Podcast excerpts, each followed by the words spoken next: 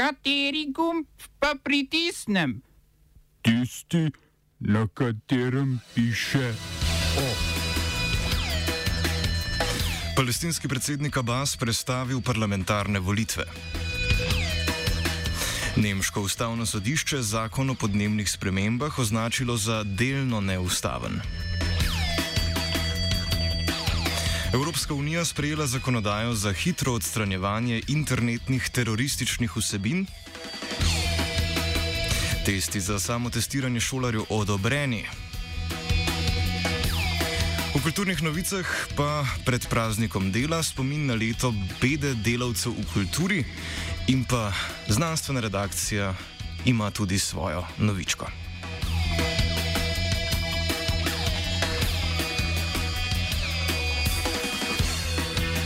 Dobr dan. Nemško ustavno sodišče je odločilo, da je zakon o podnebnih spremembah iz leta 2019 delno neustaven, saj s predlaganimi regulacijami ne more doseči pomembnega zmanjšanja izpustov toplogrednih plinov do leta 2030, pač pa največji zalogaj prelaga na leta po tej prelomnici. Hkrati pa zakon ne razloži, kako se bodo emisije zmanjšale po tem letu. Nemčija bi do leta 2030 zmanjšala izpuste toplogrednih plinov za 55 odstotkov glede na številke iz leta 1990, do sedaj so jih po podatkih za leto 2019 zmanjšali le za oziroma že za 35 odstotkov. V zakonu so bile recimo predvidene nove določbe glede cen fosilnih goriv, ki bi cene povišale in s tem odvračale uporabnike. Vlada mora tako do konca naslednjega leta izboljšati cilje glede zmanjšanja izpustov in jasneje predstaviti mehanizem za njihovo doseganje. Pobudo za ustavno presojo je podalo devet mlajših podnebnih aktivistov, sodišče se je strinjalo z njihovo obtožbo, da bi doseganje nezadostnih zadostnih ciljev pomenilo kršenje njihove pravice do dostojnega življenja in prihodnosti.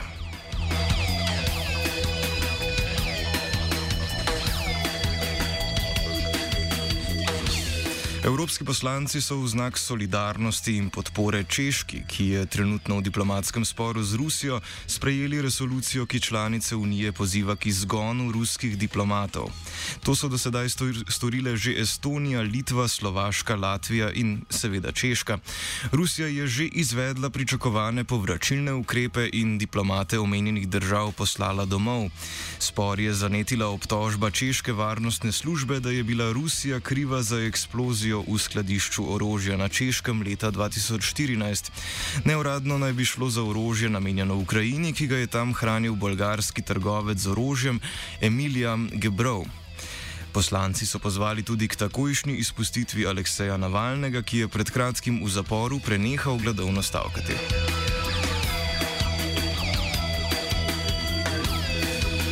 Rusijo na Češkem pretresa tudi notranje politično dogajanje. V Pragi so potekali protesti proti predsedniku države Milošu Zemanu. Protesta v organizaciji gibanja Milijon trenutkov za demokracijo se je udeležilo približno 10 tisoč ljudi. Protestniki niso zadovoljni s predsednikovo naklonjenostjo Rusiji, obtožujejo ga, da širi podobne dezinformacije, kot bi jih odobravala tudi ruska oblast. Zeman je v govoru na nacionalni televiziji omenil, da sam ne verjame v rusko upletenost in da je verjetnejši vzrok za eksplozijo preprosto nesreča.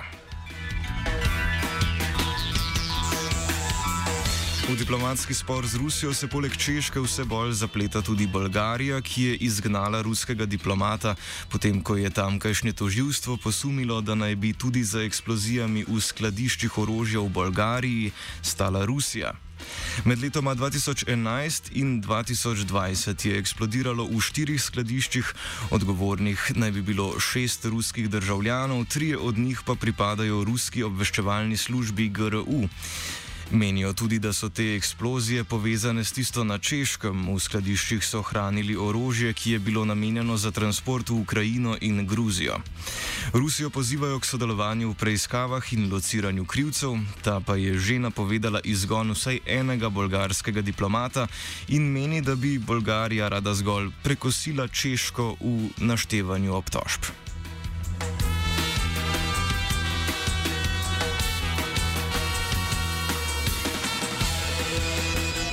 Gremo na Bližnji vzhod. Palestinski predsednik Mahmud Abbas je začasno prestavil volitve, vse dokler ne bodo svojega glasu mogli oddati tudi prebivalci vzhodnega Jeruzalema. Tega trenutno okupira Izrael. Parlamentarne volitve so bile predvidene za 22. maj, predsedniške pa za 21. juli. Abbas za nastalo situacijo krivi Izrael, saj naj bi okupacija onemogočala pravične volitve. Zadnje parlamentarne volitve so na palestinskih ozemljih potekale pred 15 leti. Volitve, za katere so se odločili pred tremi meseci, so bile rezultat sprave med Fatahom, ki mu pripada tudi Abbas, ta vodi palestinsko oblast na vzhodnem bregu, in Hamasom, ki nadzoruje območje Gaze. V Hamasu so predsednikovo odločitev že oklicali za antidemokratično in za poskus državnega udara.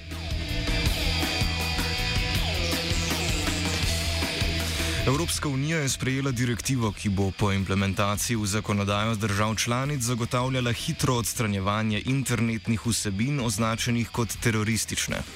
Upravljavec spletne strani bo imel eno uro časa, da sporne vsebine odstrani. Če omrežje tega ne bi storilo, je lahko kaznovano s plačilom v višini do 4 odstotkov svojega svetovnega prometa.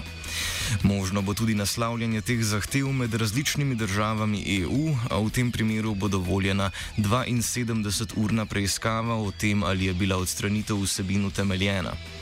Izjeme so lahko dovoljene, ko gre za izobraževalne, kulturne ali raziskovalne namene. Namen zakonodaje je terorističnim organizacijam otežiti spletno rekrutiranje. Nekaj nevladnih organizacij, denimo Amnesty International, je pri zakonodaji opozorilo na problem cenzure, omejevanja svobode govora in izkoriščanja zakonodaje za politične interese. V veljavo bodo novosti stopile naslednje leto.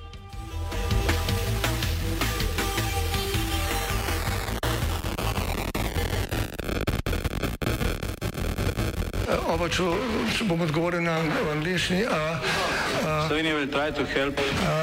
We can Slovenia will and we will do our utmost To say that the situation is, our problem ourselves. and uh, We will make further steps as soon as the conditions are. bomo vlado Marjana Cererja Šarca podprli. very, very serious. we know how and we will. Nacionalni laboratorij za zdravje, okolje in hrano je odobril teste za novi koronavirus, namenjene samo testiranju osnovnošolcev in dijakov. Prilagojeni so za jemanje vzorca iz sprednjega dela nosne votline, zato jih bodo učenci lahko uporabljali sami. Pri testiranju izdelka je sodelovalo skoraj 500 ljudi, pri osebah s simptomi COVID-19 so ugotovili skoraj 69 odstotno občutljivost, pri asimptomatskih pa 72 odstotno. Občutljivost testa pada z dnevi od pojava prvih simptomov, proizvajalec sicer trdi, da bi morala biti občutljivost kar 95 odstotna. NLZOH je izdal mnenje, da so testi glede učinkovitosti primerljivi z ostalimi na trgu, zato so bili odobreni za samo testiranje, pred uporabo pa mora izdelek odobriti še javna agencija za zdravila in medicinske pripomočke. Za začetek testiranja je odgovorno Ministrstvo za zdravje v dogovoru z Ministrstvom za izobraževanje, znanost in šport. Samo testiranje osnovnošolcev in dijakov bi se moralo začeti že v začetku tega meseca, a je bilo zaradi odobritvenega postopka prestavljeno.